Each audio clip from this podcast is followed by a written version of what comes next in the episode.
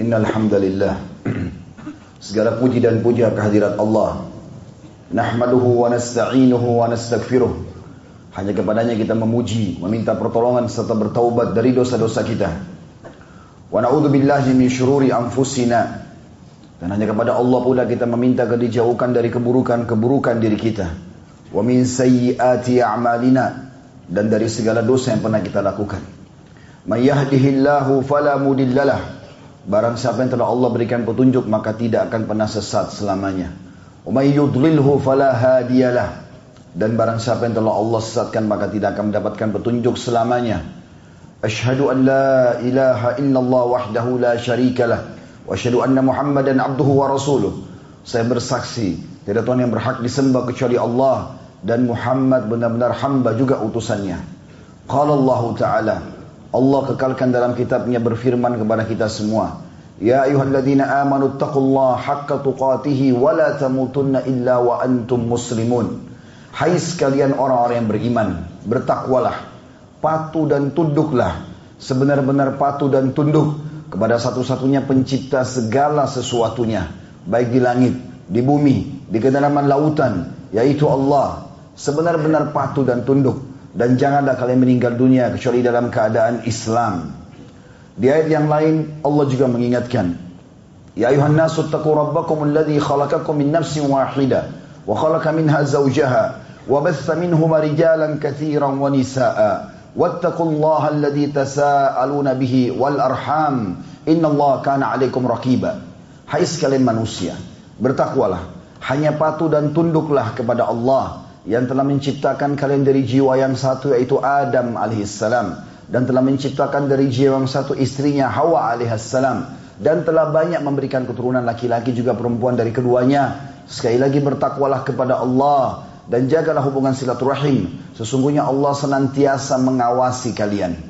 Di ayat yang ketiga, Allah juga mengingatkan, Ya ayuhalladzina amanu taqullaha wa qulu qawlan sadida. Yuslih lakum a'malakum lakum dhunubakum wa man yuti'illaha wa rasulahu faqad faza fawzan 'azima. Hai sekalian orang-orang yang beriman, sekali lagi bertakwalah, hanya patuh dan tunduklah kepada Allah dan ucapkan kalimat yang jujur dan benar. Niscaya dia akan memperbaiki amal-amal perbuatan kalian, mengampuni dosa-dosa kalian. Barang siapa yang mentaati Allah dan Rasulnya, dia telah mendapatkan kemenangan yang besar. Amma ba'd, fa inna asdaqal hadithi kitabullah. Kita tahu sebaik-baik rujukan umat Islam dalam segala lini kehidupan mereka, terutama ibadah, adalah kitabullah, Al-Quran. Wa khair hadyu, hadyu Muhammadin sallallahu alaihi wa sahbihi wasallam dan sebaik-baik petunjuk setelah Al-Quran adalah petunjuk Nabi besar Muhammad sallallahu alaihi wasallam yang dikenal dengan As-Sunnah. Wa syarrul umuri muhdatsatuha dan seburuk-buruk perbuatan terutama dalam ibadah yang tidak punya rujukan wahyu Al-Quran dan Sunnah. Fa inna kulla muhdatsin bid'ah. Semua ibadah yang dibuat-buat tidak punya rujukan wahyu dikenal dengan perbuatan baru dalam agama. Wa nabidatin dhalalah perbuatan baru itu pasti akan membawa pada kesesatan, dalam final kesesatan akan membawa pelakunya ke dalam api neraka. Saudaraku si iman, berulang kami kami sampaikan khutbah Jumat dan selalu kami ucapkan kalimat yang sama. Apa yang tadi saya bacakan dikenal dengan khutbah hajah. Nabi alaihissalatu wassalam selalu menggunakan khutbah hajah ini dalam hal-hal yang penting. Baik itu dalam mengutus pasukan, pada saat sedang haji menasihati orang di Mina, ada momen-momen penting mengingatkan tentang tiga ayat agar setiap muslim bertakwa dan hanya patuh dan tunduk kepada Allah. Kemudian juga berpegang pada Al-Quran dan Sunnah dalam setiap amal perbuatan mereka terutama ibadah. Serta berhati-hati dari perbuatan yang dibuat-buat atau perbuatan bid'ah karena akan membawa pelakunya ke dalam kesatan dan api neraka.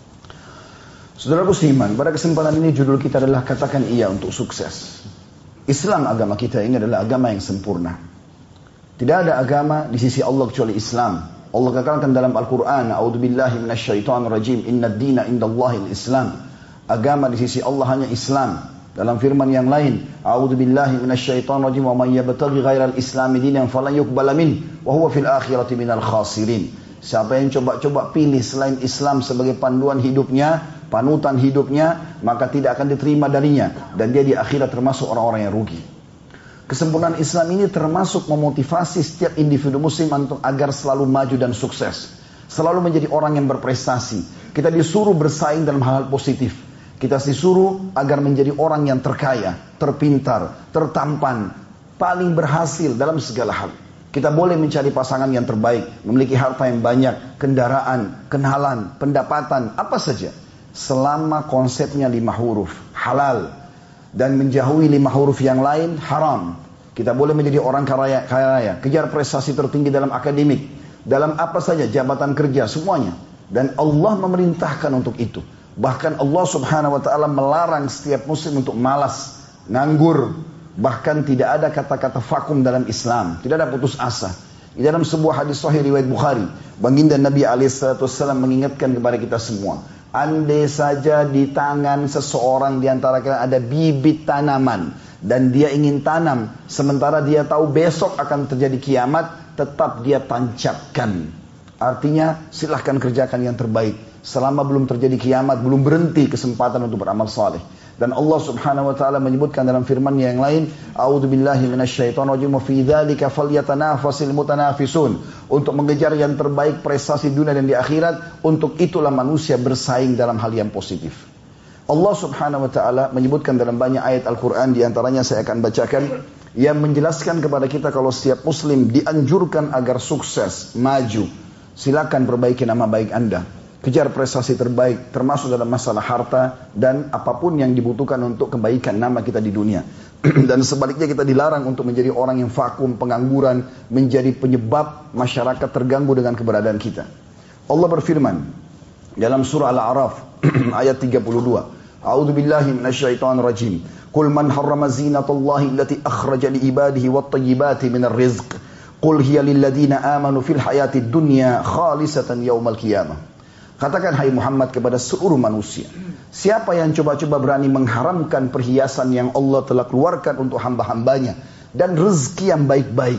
Kata para ulama rezeki yang baik Allah berikan dalam jiwa kita. Suka dengan warna yang bagus. Suka dengan bau yang wangi. Suka dengan penampilan yang rapi. Suka dengan rumah yang luas. Mobil yang bagus. Tunggangan yang bagus. Semuanya itu fitrah. Maka Allah mengatakan siapa yang coba-coba mengharamkan itu dari hamba-hamba Allah sementara Allah sudah halalkan. Katakanlah, itu untuk orang-orang beriman dalam kehidupan dunia dan balasan di akhirat yang lebih besar lagi di surga hanya untuk mereka saja. Artinya di dunia Allah akan berikan juga orang-orang kafir. Tapi mereka tidak kenal namanya konsep halal. Juga dalam firman Allah yang lain dalam surah Al-Mulk ayat 15. A'udzu billahi minasyaitonir rajim. Huwa alladhi ja'ala lakumul arda dalulan famshu fi manakibiha wa kulu min rizqi wa ilaihin nushur. Dialah yang telah menjadikan bumi buat kalian terbentang. Bisa kalian jalan di atasnya, bisa kalian cocok tanam, bisa mengambil hasilnya, bisa membangun dan segala macam. Dan makanlah rezeki-rezeki yang sudah Allah keluarkan dari buah-buahan, dari hewan ternak, dari segala macam hal. Silakan nikmati.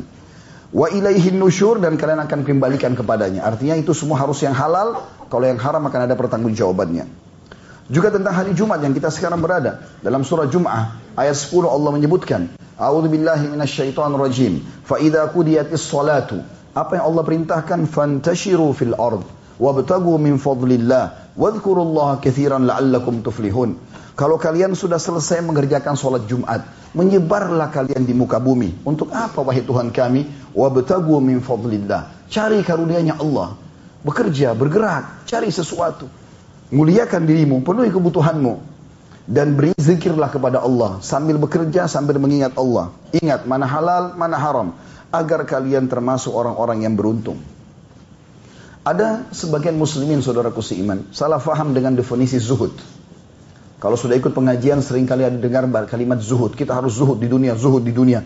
Dan mereka ada sebagian yang mengatakan zuhud itu meninggalkan dunia untuk akhirat. Ini definisi sangat fatal salahnya. Ulama meluruskan, zuhud itu yang dicintai oleh Allah. Kita disuruh zuhud di dunia. Definisinya adalah mendahulukan akhirat dari dunia. Itu yang benar. Jadi kalau azan berhenti dari meeting, berhenti dari pekerjaan. Dahulukan dulu urusan akhirat, baru kemudian kita kembali kerja lagi. Itu yang dikatakan zuhud. Zuhud itu bukan teman-teman makan roti kering, pakai baju yang rusak, jalan kaki tidak pakai sendal, sebagaimana sebagian orang fahami. Ini semua mencoreng kehormatan agama Islam. Islam tidak pernah menyuruh itu. Ada seorang sahabat Nabi pernah duduk di hadapan Nabi SAW, bajunya kotor, penampilannya kurang baik. Lalu Nabi SAW datang kepadanya memberikan kepadanya sesuatu, uang. ini, perbaiki keadaanmu. Dia mengatakan, saya orang kaya ya Rasulullah. Maka Rasulullah SAW malah bingung dan heran melihat dia. Lalu mengatakan, kalau begitu, mana kamu dari bekas nikmatnya Allah padamu? Ya, di mana kamu dari nikmatnya Allah? Allah berikan kau uang, beli baju, beli makanan, berpenampilan yang baik. Jangan rusak, jangan buruk. Dalam sebuah hadis Allah SWT menceritakan tentang dirinya melalui lisan Nabi Muhammad SAW, Inna Allah jamilun yuhibbul jamal. Allah itu indah, rapi, bersih, sempurna, menyukai semua itu. Kita lihat surga yang dijanjikan dalam Al-Quran. Bidadarinya cantik, taman-tamannya bersih, istananya luas, dipan-dipan, permadani, semuanya bagus. Dan Allah buat fitrah kita suka dengan rapi, taman yang ditata rapi, bau wangi, baju yang bersih. Bahkan Allah lawannya memberikan kepada kita rasa gerah supaya kita mau mandi, rasa lapar supaya kita mau makan, rasa haus supaya kita mau minum. Kita suka dengan sesuatu yang rapi, itu fitrah. Jangan bentrok dengan itu. Nabi SAW mengatakan dalam sebuah hadis yang sahih, sesungguhnya dicintakan dunia ini, dunia kalian kepadaku, karena ada dua hal. Karena ada wanita yang dicintai, ada istri, ada ibu, ada anak, ada saudari yang dilindungi dan dicintai, dan ada wangi-wangian, bau wangi. Bahkan Nabi SAW suka dengan wangian. Hari Jumat kita disunnahkan seperti ini. Kata Nabi SAW, siapa yang hari Jumat mandi dengan mandi yang bersih, menggunakan wangi-wangian terbaiknya di rumah, baju terbaiknya, menyisir rambutnya dengan rapi, lalu dia ke masjid, dia dengarkan khutbah tanpa memisahkan dua orang yang sedang duduk, lalu dia sholat sun dalam sholat Jumat, maka dibersihkan dosa-dosanya yang telah lalu. Pembersihan dosa berhubungan dengan kebersihan badan, kebersihan dan kerapian. Allah Subhanahu wa taala memuji masyarakat Kuba Masjid Kuba di Madinah, masjid yang pertama dibangun oleh Nabi Shallallahu Alaihi Wasallam. Allah berfirman dalam Al-Quran, "A'udzu billahi minasyaitonir rajim. La masjidun ussisa 'ala taqwa min awwal yawmin ahaqqu an taquma fi fihi rijalun yuhibbuna an yatatahharu. Wallahu yuhibbul mutahhirin." Artinya masjid yang pertama dibangun di asas ketakwaan, artinya semuanya ikhlas membangun masjid itu dengan rezeki halal, itu lebih layak kau sholat di situ hai Muhammad, maksudnya masjid Kuba. Dan di sekitarnya ada banyak laki-laki yang suka bersuci. Dan Allah suka dengan orang yang bersuci. Makna bersuci suka sekali dengan kebersihan, kerapian. Sehingga mereka kelihatan tampan, mereka kelihatan bersih karena suka dengan itu. Kata para ulama tafsir salah satu kelebihan penduduk Masjid Kuba adalah mereka menggabungkan pada saat bersuci dua hal. Istinja dengan istijmar. Istinja artinya bersuci dengan air pada saat cebok. Kemudian kalau tidak ada air kita menggunakan istijmar, menggunakan batu. Penduduk Kuba menggabungkan keduanya karena sukanya dengan kebersihan dan kerapian. Teman-teman sekalian, Allah Subhanahu wa taala memerintahkan kita dalam Islam untuk selalu bergerak, ya, berusaha, ikhtiar dan Allah Subhanahu wa taala akan memberikan petunjuk bagi orang yang bergerak. Dalam Al-Quran, Allah SWT berfirman, A'udhu billahi minasyaitan rajim walladzina jahadu fina, lanahdiyannum subulana. Orang-orang yang berusaha untuk menjangkau jalan-jalan kami, menerapkan syariat kami, menerapkan apa yang kami perintahkan atau mencari yang kami halalkan, maka kami akan berikan petunjuk kepada mereka. Baginda Nabi SAW dalam hadis Bukhari juga memotivasi setiap muslim agar bergerak, ya, mencari sesuatu yang terbaik buat dia dan menjauhkan dirinya dari hal-hal yang bisa menghinakan dirinya. Kata Nabi SAW, Ma aqala ahadun ta'aman khairun min an ya'kula min amali yadih. Wa inna nabiyallahi Dawud kana ya'kul min amali yadih. Tidak ada sesuatu yang lebih mulia, lebih meninggikan derajat, lebih besar pahala di sisi Allah dan lebih baik di mata manusia dibandingkan seseorang makan dari hasil kerjanya sendiri. Tidak mengemis. Dan ketahuilah, Nabi Allah Daud alaihissalam Allah tinggikan derajatnya justru karena makan dari hasil tangannya sendiri. Juga dalam riwayat Imam Muslim, Nabi SAW mengatakan, Kana Zakaria alaihissalam najjara. Ketahuilah semuanya Nabi Allah Zakaria adalah dulu tukang kayu. Ahli membuat kayu dan menguasai bidangnya. Juga dikatakan bahwasanya Idris alaihissalam, Nabi Allah kana khayyatan yatasaddaqu bifadli kasbih. Dia adalah seorang tukang jahit yang hidup dari hasil jahitannya itu demi kemuliaan dan tidak minta-minta sama orang. Juga disebutkan bahwasanya Nabi Muhammad SAW berdagang. Beliau mulai dari umur 8 eh, tahun atau 11 tahun, maaf, mulai dari umur 21 tahun, beliau sudah masuk ke perdagangan sampai diutusnya menjadi nabi. Dan sebelumnya beliau mengembala kambing, bekerja untuk mendapatkan hasil dari umur 8 tahun sampai umur 20, 21 tahun atau 20 tahun tadi. Maka ini semua teman-teman menunjukkan bagaimana Nabi Alaihissalam bergerak. Dan juga beliau mengatakan dalam hadis Bukhari, li an ya'khudha ahadukum abhulah Seseorang di antara kalian membawa potongan-potongan talinya. Thumma ya'til jabal. lalu dia naik ya, ke atas gunung yang tinggi. Tumayati bihizmati min hatab. Kemudian dia mengumpulkan kayu-kayu bakar di situ. Dia ikat. Fayabi'aha fayastagni mithamaniha. Kemudian dia menjualnya, pikul di punggungnya lalu dia menjualnya sehingga dia bisa hidup dari hasil penjualan itu khairun lahu min an yas'alan nas itu lebih baik bagi dia daripada dia mengemis-ngemis sama orang. A'tauhu au mana'uh. Orang berikan atau orang menolaknya. Juga kata Sa'id bin Musayyib rahimahullah. Sa'id bin Musayyib rahimahullah. Seorang tabi'in yang masyur. memuji tentang para sahabat Nabi. Karena dia saksikan sendiri bagaimana para sahabat Nabi setelah meninggalnya Nabi SAW mereka menyebar di muka bumi. Mereka bukan duduk, vakum, tidak bergerak, tidak bekerja. Oh saya sahabat Rasulullah, udah tinggal kasihin duit saja. Enggak. Kata Sayyid bin Musayyib rahimahullah, kami belajar dari para sahabat Nabi. Karena karena ashabu Rasulullah SAW yatjaruna fi bahar Rum. Sampai-sampai para sahabat Nabi itu berdagang di lautannya bangsa Romawi. Umar bin Khattab memberikan wasiat yang sangat penting. Beliau mengatakan, Ta'allamul mihna, fa innahu yushiku an yahtaja ahdukum ilah mihnati. Kalian harus menguasai keterampilan-keterampilan. Karena pasti seseorang dan akan membutuhkan keterampilan tersebut di satu waktunya. Juga Aisyah berkata radhiyallahu anha, "Kana Abu Bakar radhiyallahu anhu atjarun atjarul Quraisy hatta dakhala fil imarah." Ketahuilah bahwasanya Abu Bakar ayahku adalah orang yang paling ya sukses dalam bisnis sampai dia menjadi atau memegang uh, kancah politik atau memegang pemerintahan barulah dia tinggalkan. Seseorang dari tabi'in bernama Qais bin Asim terkenal sekali dan kesolehan dan sangat kaya raya. Dia mewasiatkan anak-anaknya sebelum dia meninggal dan ini dinukil oleh para ulama menjadi pelajaran bagi kaum muslimin. Alaikum bil mali wastina'ah. Beliau mengatakan wahai anak-anakku carilah rezeki, carilah harta itu dan jagalah baik-baik, kembangkan. Fa mambahatul karim. Karena itu adalah sumber pendapatan yang baik wa yustagna bihi anil laim dan akan menjauhkan seseorang dari keterhinaan wa iyyakum wal mas'alah dan jangan pernah kalian mengemis-ngemis fa inna akhiru kasbar rajul. Karena itu adalah pendapatan terakhir seseorang. Kalau sudah benar-benar kepepet bangkrut kehilangan barang terjadi gempa kehilangan apa pun baru mengemis kalau tidak maka tidak boleh. Juga Sayyid bin Musayyib mengatakan la khaira fi man la yatlubul mal. Tidak ada kebaikan bagi seseorang muslim yang tidak mencari harta yang baik.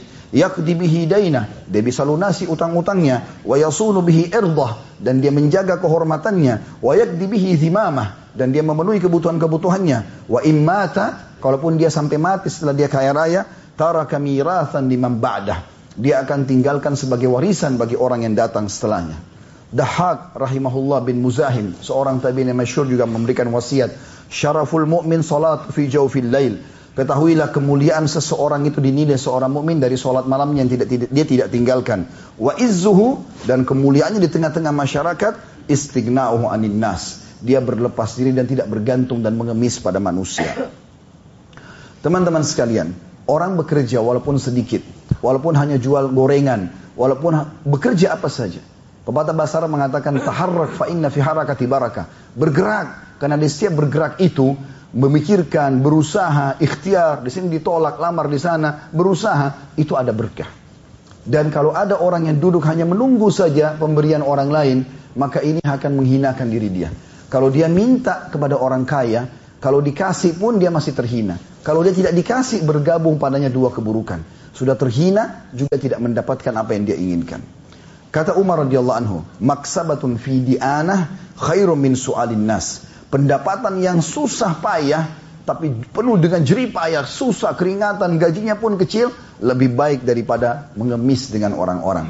Luqman al-Hakim yang disebutkan dalam Al-Quran, surah Luqman, ini seorang saleh dulu di zaman sebelum kita. Dia mewasiatkan kepada anaknya dinukil dalam sebuah riwayat sahih. Dia mengatakan, Ya bunai, wahai anakku, istagna bil kasbil halal. Selalulah bekerja cari pendapatan yang halal. Prestasi tertinggimu di dunia kejar fa innahu maftakara ahadun illa asabathu ihda thalathu khisal. Tidak ada orang yang meninggalkan mencari rezeki halal ini, mengejar prestasi dunia terbaiknya dengan cara yang benar, kecuali kalau orang tinggalkan kecuali akan tertimpa tiga hal yang buruk. Yang pertama rikkatun fidini, lemah agamanya. Kalau orang ya tidak punya pendapatan, tidak punya kedudukan, ya maka dia lemah agamanya, bisa dijual. Bukankah banyak orang murtad di Indonesia gara-gara sembako? Lemah karena keadaan ekonomi. Yang kedua, au fi aqli. Akalnya jadi pendek dan kosong. Orang kalau terbiasa bekerja, ide ini, ide itu, bermusyawarah, berdiskusi, ya pengalaman-pengalaman menambah ide dia. Kalau orang terbiasa pengangguran, nggak ada idenya. Dia habis, akalnya jadi pendek. Dan dikatakan awwahaun fi muru'ati atau dia terhina di nama baiknya, kehormatannya. Orang tidak lihat. Mau tampan pun kalau dia miskin orang anggap remeh. Subhanallah. Lalu kata beliau, wa a'zamu min dan lebih besar daripada itu, istighfafun nasu bihi. Manusia akan menganggap remeh dia. Nabi alaihissalatu wassalam teman-teman selalu beristiadah kepada Allah, berlindung agar jangan sampai tertimpa ini. Apa yang beliau minta? Beliau mengatakan kepada kita semua dan beliau minta ta'awwadu billahi minal fakri wal killati dhillah. Selalulah berlindung kepada Allah dari kemiskinan dan kekurangan, juga kehinaan. Artinya silakan cari sesuatu yang baik. Tidak ada orang teman-teman yang berusaha lalu tidak mendapatkan. Sampai pepatah bahasa Arab kekal, manjadda wajad. Siapa yang berusaha dia akan dapat. Kalau ada dua orang, yang satu berusaha, yang satu tidak berusaha, dalam 5-10 tahun ke depan kita akan lihat yang berusaha akan mendatangkan hasilnya. Kemudian juga dikatakan oleh Nabi SAW dalam doa beliau masyur, Allahumma inni a'udzubika minal ju'i fa innahu bi'sad daji' Ya Allah aku berlindung kepadamu jangan sampai aku tertimpa kemiskinan sehingga aku lapar karena itu seburuk-buruk keadaan. Juga Nabi berdoa dalam hadisnya Allahumma inni a'udzubika minal ajzi wal kasal. Ya Allah aku berlindung kepadamu dari sifat vakum dan juga malas. Wal jubni wal bukhul juga dari sifat jubun. Jubun itu pengecut, tidak mau membela hak-haknya dia. Dan juga bukhul, pelit, kikir. Wa ghalabati daini wa rijal dan terlilit dengan utang dan jangan sampai aku dikuasai oleh orang-orang. Artinya kena terlilit utang akhirnya kita dikejar-kejar oleh orang lain. Ini termasuk doa Nabi wassalam. Kata Umar bin Khattab mengingatkan kepada kita semua. Inni la'ala rajula fayu'jibni syaklah atau syaklu. Kadang-kadang kata Umar, aku melihat ada orang aku kagum dengan ketampanannya. Bajunya kelihatan bersih, penampilannya. Fa'idha sa'altu anhu faqila la amalalah sakata an aini. Tapi ketahuilah, andai saja aku bertanya kepada orang lain dan dikatakan bahwasanya dia tidak punya pekerjaan atau pengangguran, maka jatuhlah dia dari mataku. Umar bin Khattab radhiyallahu juga pernah menemukan ada orang selepas Jumat seperti ini, habis Jumat duduk-duduk di masjid. Lalu Umar bin Khattab tanya mereka, kenapa kalian duduk di sini? Untuk apa? Lalu mereka mengatakan, nahnul mutawakkiluna ala Allah. Kami bertawakal kepada Allah. Kalau ada rezeki datang, Alhamdulillah. Kalau tidak, ya tidak. Maka apa yang terjadi? Umar bin Khattab lalu menghardik mereka.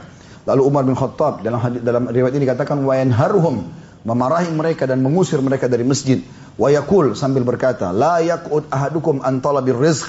Jangan kalian duduk ya dan tidak atau berhenti jangan kalian berhenti dalam mencari rezeki Allah dan jangan wayakul kemudian dia berkata merzukni ya Allah berikan saya rezeki tapi dia tidak bergerak tidak bekerja waqad alima anna samaa la tumtiru dhahaban wala fiddah padahal dia sudah tahu Allah tidak pernah takdirkan langit akan menurunkan hujan emas atau perak Muhammad bin Thawr juga berkata, Sufyan al-Thawri, salah satu ulama yang masyhur di Mekah, yang masyhur di Mekah, beliau pernah menemukan ada orang juga sama, habis sholat Jumat duduk di Masjid Haram Mekah. Pahalanya besar, 100 ribu sholat di sana. Tapi habis sholat Jumat mereka duduk, mereka nggak bergerak, nggak cari rezeki. Maka ditanya, sukum, apa yang buat kalian duduk di sini? Kulna manasna. Mereka berkata, kami nggak tahu harus buat apa. Qala utlubu min fadlillah. Keluar, cari rezekinya Allah. La wala takunu ilatan alal muslimin dan jangan pernah kalian menjadi beban bagi kaum muslimin. Juga dikatakan bahwasanya para fukaha, kata para ulama sepakat mewajibkan setiap muslim untuk mencari rezeki dan diharamkan bagi mereka untuk vakum, duduk dan nas kecuali dalam keadaan memang dia sakit. Juga disebutkan bahwasanya orang yang bergerak, berusaha, apalagi kalau teman-teman bisa membuka usaha-usaha menjadi seorang pengusaha yang sukses dan memang dia jujur, dari pendapatan yang halal, dengarkan kedudukannya. Walaupun ibadahnya tidak terlalu banyak. Tapi kata Nabi SAW, At-tajirus sadukul amin. Seorang pedagang, ya, pebisnis yang sukses, yang jujur dan terpercaya. Kata ulama hadis maksudnya adalah pendapatannya, sumbernya halal dan e, pekerjaannya halal, ya, sumber sumber modalnya halal dan sistem yang digunakan juga halal. Ma'an nabiyina was siddiqina was syuhada. Hari kiamat nanti dia akan masuk surga tertinggi bersama para nabi-nabi, para siddiqin dan para syuhada. Juga dikatakan bahwasanya Rasulullah sallallahu alaihi wasallam pernah berjalan-jalan dengan para sahabat. Kemudian ada satu orang lewat di hadapan mereka. Keringatan, bajunya kotor, angkat beban-beban batu, pelapa-pelapa kurma. Para sahabat prihatin melihat orang itu lalu mengatakan ya Rasulullah, andai saja orang ini dapat pahala jihad di jalan Allah ya. Luar biasa, ini seperti orang jihad. Angkat batu, angkat ini keringatan untuk mencari rezeki. Maka apa kata Nabi SAW? In kana kharaja yas'a ala waladihi sigaran, bahwa fisabilillah. Kalau dia sekarang ingin keluar mencari rezeki untuk anak-anaknya yang kecil yang dia ingin berikan makan, maka dia sama dengan jihad di jalan Allah. Wa in kana kharaja yas'a ala syaikhani kabirain, syaikhaini kabiraini fahuwa fi sabilillah. Kalau dia keluar ini mencari rezeki untuk membiayai kedua orang tuanya yang sudah sangat tua, maka dia juga dihitung di jalan Allah. Wa in kana kharaja yas'a ala nafsihi ya'iffuha fahuwa fi sabilillah. Kalau dia juga keluar mencari rezeki supaya dia mulia, tidak ngemis sama orang.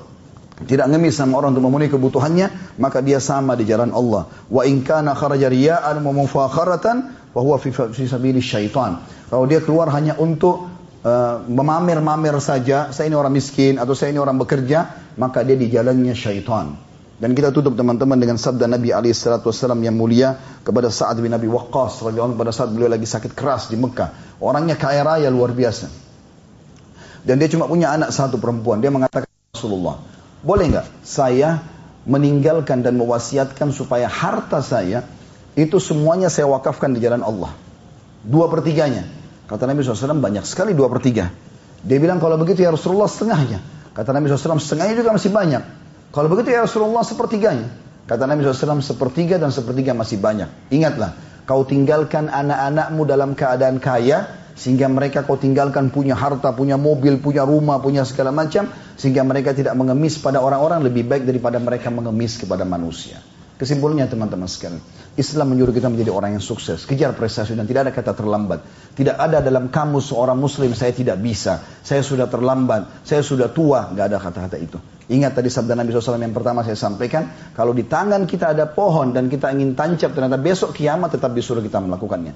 Para sahabat Nabi ada yang masuk Islam umur 60 tahun lebih, hafal 30 juz Al-Quran. Tidak ada kata-kata tidak bisa. Selalu bisa, selalu mampu, dan ikhtiar berdoa kepada Allah Subhanahu Wa Taala, Allah akan berikan jalan keluar untuk itu. Aku lu kau lihada, saya sudah mengucapkan perkataan saya ini, wa astagfirullah li walakum dan saya bertobat istighfar kepada Allah dan mengajak jamaah untuk beristighfar kepada Allah, fastaghfiruhu innahu wal ghafurur rahim.